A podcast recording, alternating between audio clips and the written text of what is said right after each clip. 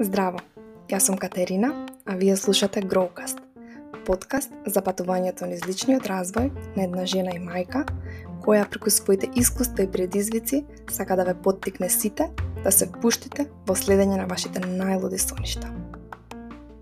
Овој подкаст е поддржан од Embryolis Косметика.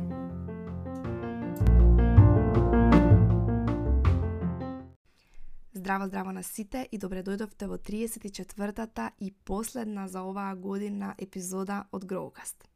За почеток сакам да ви искажам огромна благодарност на сите кои што од недела во недела доаѓате на подкастот и ги преслушувате епизодите, сите кои што со години го поддржувате мојот бренд и сите кои што сиве овие години растат со мене и со овој бренд заедно. Најдобар начин да го поддржите подкастот Growcast, како што знаете, е преку оставање рецензија или коментар на некоја од платформите за подкаст на која што го слушате, или пак со испраќање на вашиот фидбек, коментар или прашање директно кај мене во инбокс на Инстаграм на katerina.ljamova.bogoevska. Па сега откако се заблагодарив за вашето внимание, вашето слушање и вашето присуство на овој подкаст, а, би сакала да отворам една тема која што е многу актуелна на крајот на годината, кога зборуваме за новите почетоци, за крајот на предходната година, за поставување цели, за планирање. Тоа е темата зошто не остваруваме одредени цели кои што ги сакаме и зошто нешто кое што толку со голема мотивација и жар сме го поставиле на почетокот на предходната година, не сме го оствариле оваа година.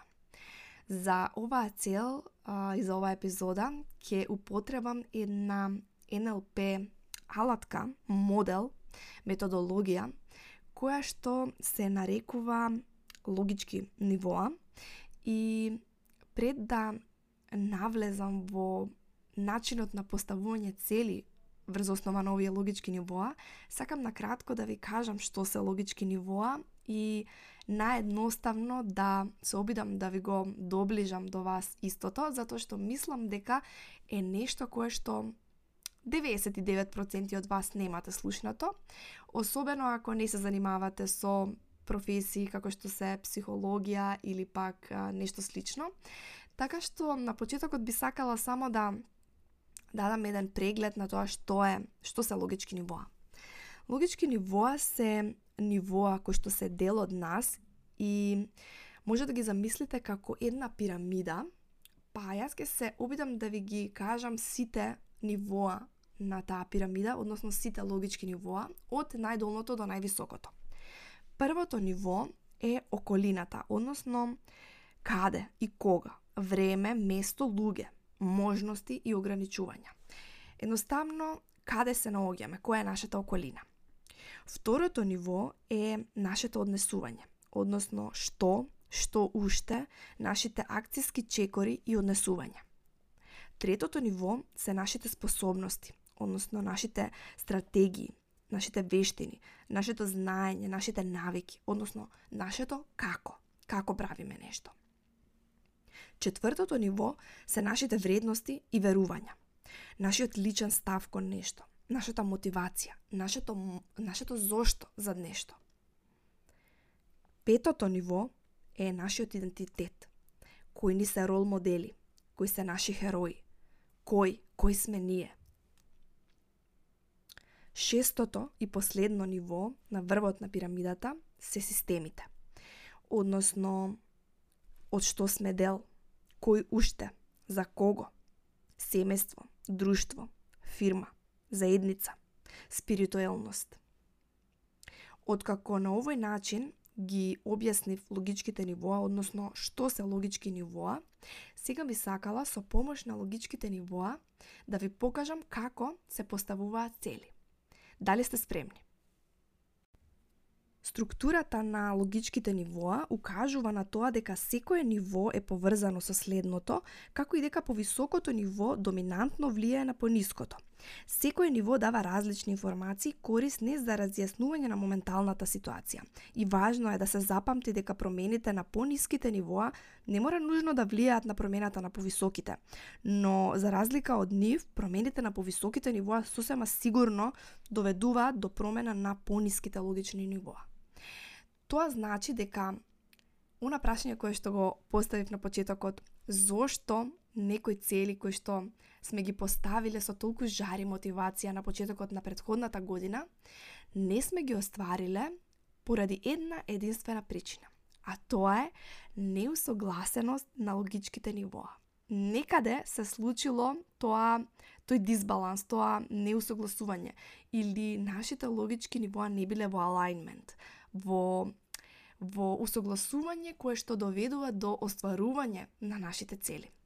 Па сега, низ овој процес, низ овие неколку чекори, сакам да ви покажам на кој начин се поставуваат цели со помош на овие логички нивоа.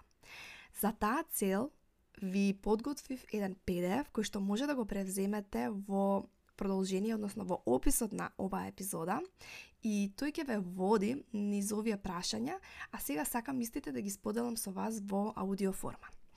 Многу е важно да напоменам дека сите овие прашања кои што ќе ги поминеме, треба да се ги одговараме за нашата цел како да е веќе остварена.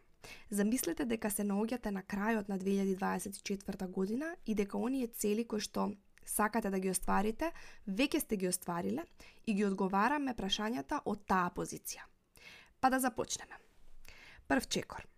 Се прашуваме каде и кога, односно се прашуваме прашања за првото логичко ниво обкружување. Како точно знаете дека сте ја постигнале својата цел? Опишете во неколку реченици што гледате таму, што слушате, како се чувствувате. Како се чувствувате кога ќе постигнете својата цел? Каде точно се наоѓате? Кој друг е таму со вас? Кој момент за вас символизира остварување на целта? Со поставување на овие прашања, ние јасно си даваме до знаење кое е обкружувањето во кое се наоѓаме кога, ја, кога сме ја постигнале таа цел. Вториот чекор е прашањето што, односно второто логичко ниво, однесување и акцијски чекори. Што ве донесе до, поста... до постакуваната цел? Кои акцијски чекори ги превземавте? Кои беа најважните контролни точки кои ги поминавте? Checkpoints. Како се пронајдовте на тој пат? Кој однесување сакаме да го смениме? Како сакам да се однесувам во иднина? Ова ќе ви даде до знаење кои однесувања и акцијски чекори ви се потребни за да стигнете до одредена цел со ова со вакви прашања се враќаме наназад, правиме reverse engineering и затоа е толку моќно. Третиот чекор се е прашањето како, односно способности и стратегии. Кои нови вештини сакам да ги развијам? Како да се постигне заканиот резултат? Кои способности ме донесоа до целта? Постои ли некоја специјална стратегија која користев за да остварам оваа цел? Кои знаења треба дополнително да ги напредам? Кои нови вештини треба да ги развијам? Потоа, четвртиот чекор е прашањето зошто. Прашањето зошто одговара на четвртото логичко ниво, односно вредности и верувања. И овде сакам да направам само мала дигресија, затоа што ова е нешто за кое што многу размислував во последнава година и сакам да го споделам со вас. Зошто сакате да ги остварите вашите цели? И како сте сигурни дека тоа се ваши цели, а не е само нешто кое што ви звучело интересно или пак ви изгледало дека е забавно кога сте го виделе кај некој друг. Зошто баш таа цел? Знам дека често зборувам за моќта на рол моделите и дека е важно да имаме да се угледуваме на некој, меѓутоа не по секоја цена. Она што е наша вредност, односно, односно нашето зошто, одредува дали тие цели се навистина наши или се туги цели кои што ние сме сметале дека би било интересно или забавно или предизвикувачки да ги постигнеме. добро размислете за вашето зошто зад одредени цели и може би некој ќе ги елиминирате по пат. Па на ова ниво си ги поставуваме следните прашања. Зошто ви е важна оваа цел?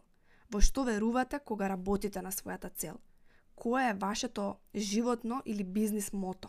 Што ви е најважно во врска со оваа цел? Петиот чекор, односно прашање кое што си го поставуваме на ова ниво е кој? Ова ниво е идентитет. И ова за мене беше нешто сосема ново кога го открив на мојата едукација за NLP practitioner. Во ова ниво се прашуваме следните прашања. Кој беше за вас символ за остварување на оваа цел? Како сега, кога сте на целта, се доживувате себе? Која метафора најдобро ја опишува личноста која што со сигурност ја остварува својата цел? Како би се опишале себе си на целта?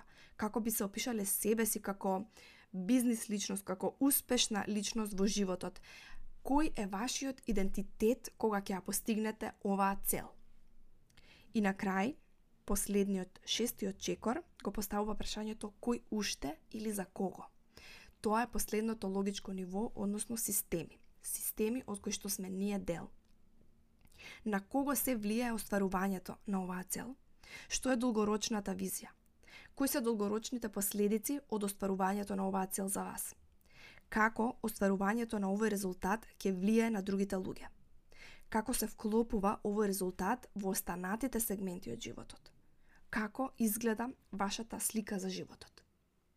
Откако ќе си ги одговориме сите овие прашања, односно ќе поминеме ни сите овие чекори, ќе имаме една убава представа за тоа каде се наоѓаме на сите нивоа, кој сакаме да бидеме со постигнувањето на таа цел и од кој систем сме дел, односно како ќе влијае на другите луѓе околу нас и на другите системи од кои сме дел остварувањето на оваа цел.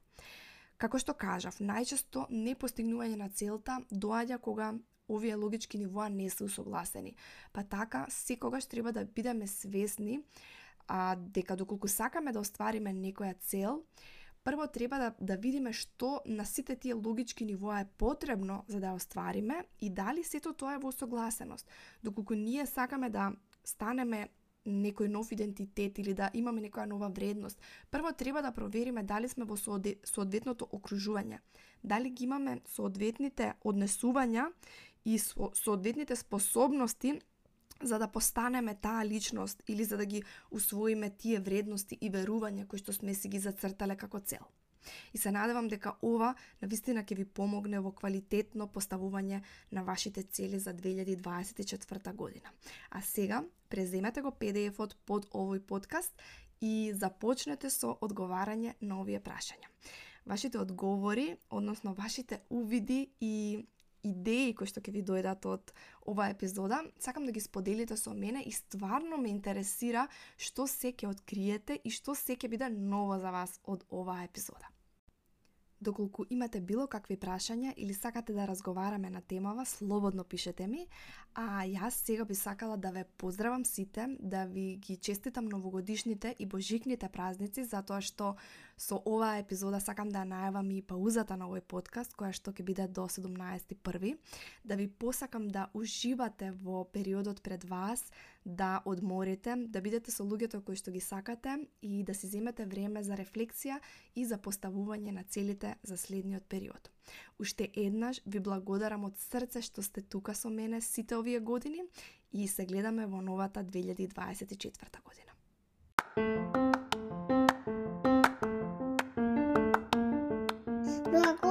Што го слушавте подкастот на мајка ми. Ако ви се допадна оваа епизода, можете да направите неколку нешта. Да кликнете follow и да оставите ревју на мојот подкаст, да ја споделите епизодата на вашите социјални медиуми и да ме означите мене, и да ми поставите прашање или да оставите коментар директно на мејл, по инбокс на мојот Инстаграм или тука на платформата на која го слушате овој подкаст. Овој подкаст е поддржан од Ембриолист Козметика. Ви благодарам уште еднаш што ме слушавте.